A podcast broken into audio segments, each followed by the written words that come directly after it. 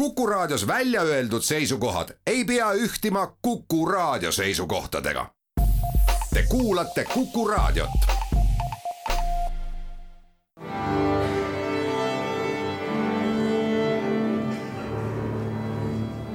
daamid ja härrad, Eesti Kontserdi saade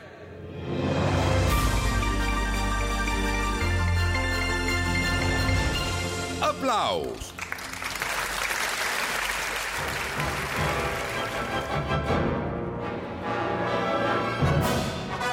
Tere kõigile, aplaus on eetris, mina olen Lauri Aav. absoluutselt tahtmata midagi ära sõnuda, on viimastel päevadel esmakordselt taas selline tunne, nagu viimati oli kahe tuhande üheksateistkümnenda aasta sügisel. kontserdihooaeg on reipalt alanud, toimunud on juba üksjagu muljetavaldavaid kontserte ja kontserdisaalid on publikust tulvil nii Eesti Festivaliorkester koos Paavo Järviga, aga ka meie oma majabänd Hortus Muusikus, kes läinud nädalavahetusel tähistas viiekümne aasta möödumist oma sünnist. Ja mainimatagi on selge, et pool sajandit on haruldane verstapost mis tahes muusikakollektiivi elus, eriti aga ansambli puhul, kus algkoosseisust mängijaid veel rivis on ja üsna palju. palju õnne Hortus Muusikus veel kord ja aitäh, oli väga tore kontsert laupäeval et aga mitte siin olnud taga nutma jääda, suuname pilgu tulevikku, sest ega ju hooaeg alles algas ja päris kaugele oma pilku kardetavasti siiski fokusseerida ei saa, sest väga lähedases tulevikus terendab kontsert, millest ei saa mööda vaadata. see kõik toimub juba täna õhtul Estonia kontserdisaalis ja saada on ausalt veel mõned üksikud piletid. Baltic Sea Philharmonic ja Kristjan Järvi et kui hooaega alustas augusti lõpus Paavajärvi päris enda kokku kutsutud Eesti Festivaliorkestriga, siis täna on kord noorema venna Kristjani käes.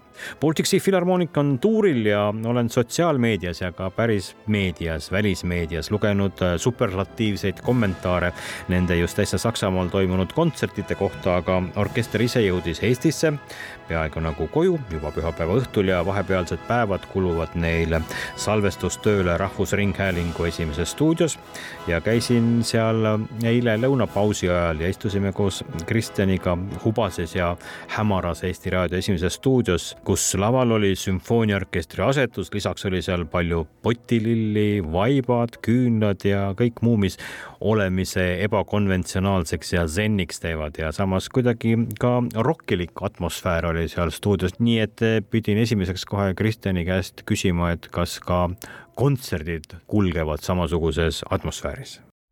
No tead, äh, atmosfäär ja üldiselt see keskkonnajutt, mida ma räägin terve aeg, see on, äh, ma elan selle järgi tegelikult, see on üks väga oluline asi, et keskkond tekitab selle, mis saab individuaalselt ja paralleelselt tõsta, toetada ja tekitada, luua asju, mis tegelikult ei ole võimalikud.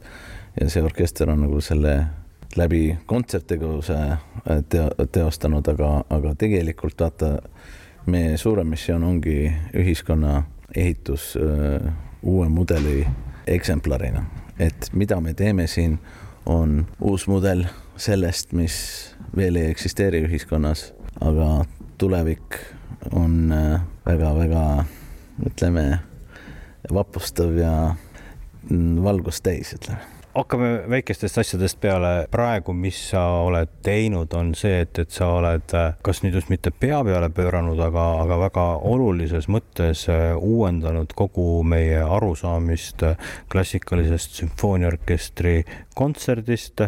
sa oled oma orkestriga laval valguse käes, nad on kõik püsti, nad mängivad kogu kontserdi peast ja see on selline koos äh, musitseerimise hoopis teine tasand.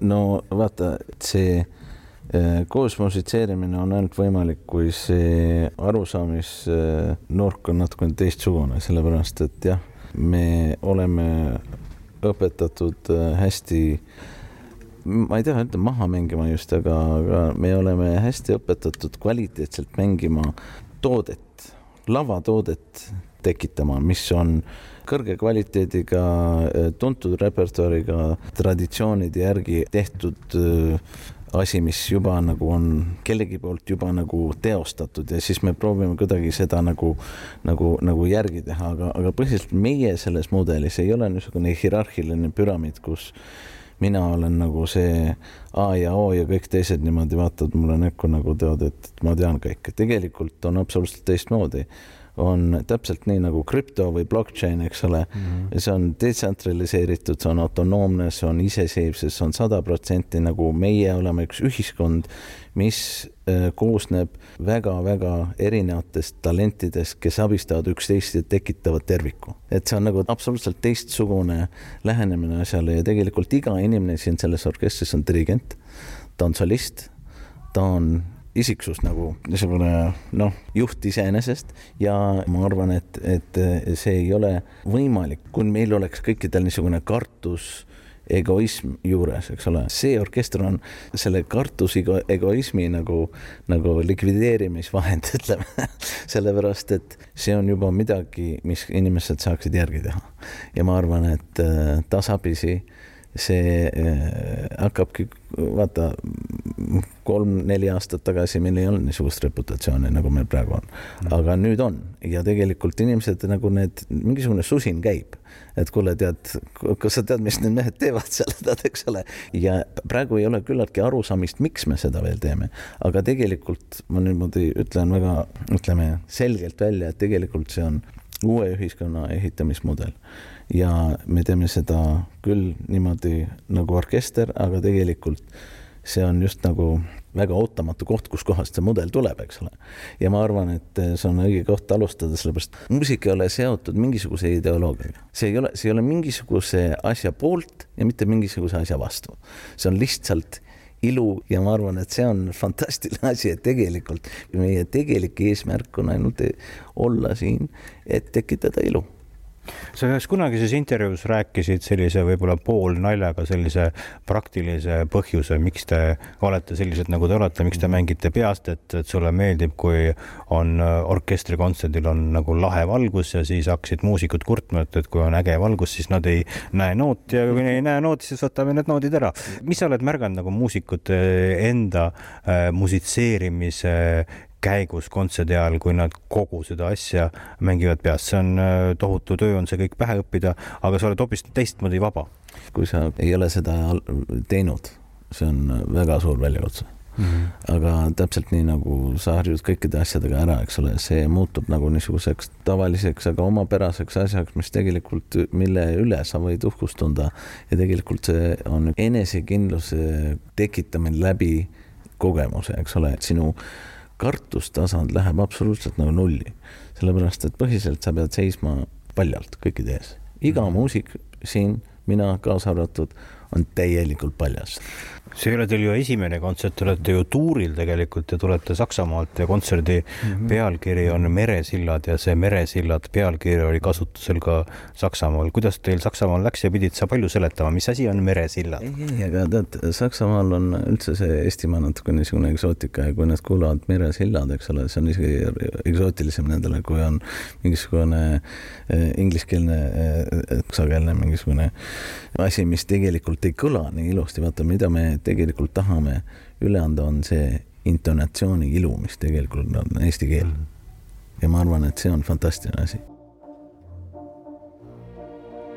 Baltic Sea Philharmonica kontserdiga Meresillad. ilus eestikeelne pealkiri, mis oli nende kontsertidel ka Saksamaal ja see on uhke tervikliku kontseptsiooniga kava klassikalisest ja pisut töödeldud klassikalisest muusikast, kava ilma pauside, aplauside ja noodipultideta, püsti ja peast täna õhtul kell seitse Estonia kontserdisaalis, nii et kohaletuleku otsus tuleks teha nüüd ja kohe. tõesti, mõned piletid on veel saada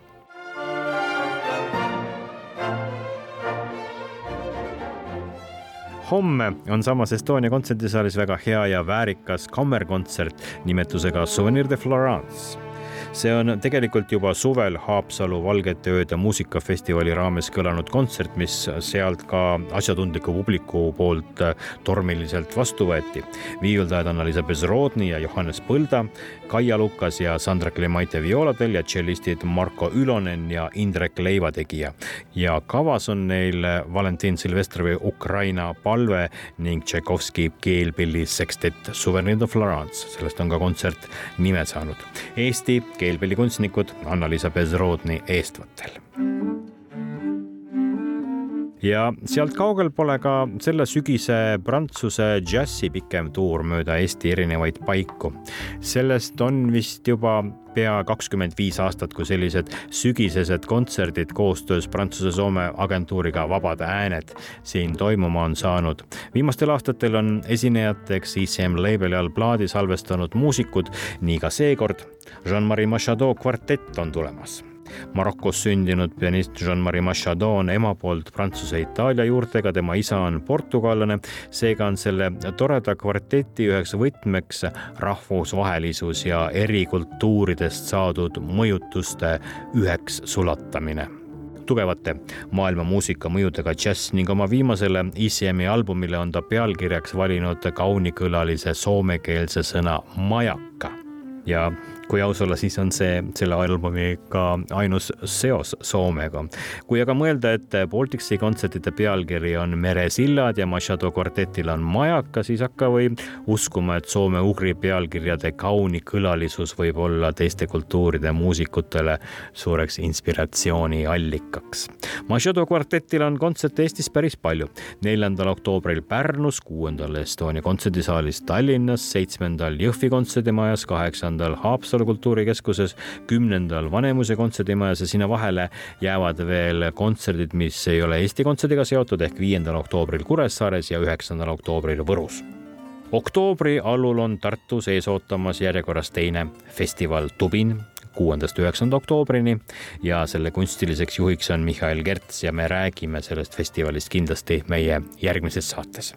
seniks aga kõike paremat